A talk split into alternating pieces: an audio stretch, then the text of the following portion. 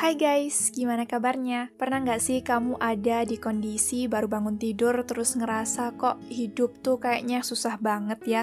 Masalah nggak beres-beres dan kayaknya mau happy tuh sulit. Kayaknya nggak kamu aja, tapi aku yakin kita semuanya pernah ada di kondisi tersebut. Karena kayaknya, hmm, apa ya aku nyebutnya? Itu itu udah kayak resiko kalau kita jadi manusia. Iya nggak sih?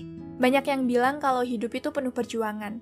Dan untuk itu, sekarang dan seterusnya, kita sedang berjuang bagaimana untuk bisa ada di posisi atas, ada di posisi bawah, berjuang untuk bisa berada di posisi senang, ataupun berdamai dengan diri sendiri ketika sedang berada di kondisi yang sulit.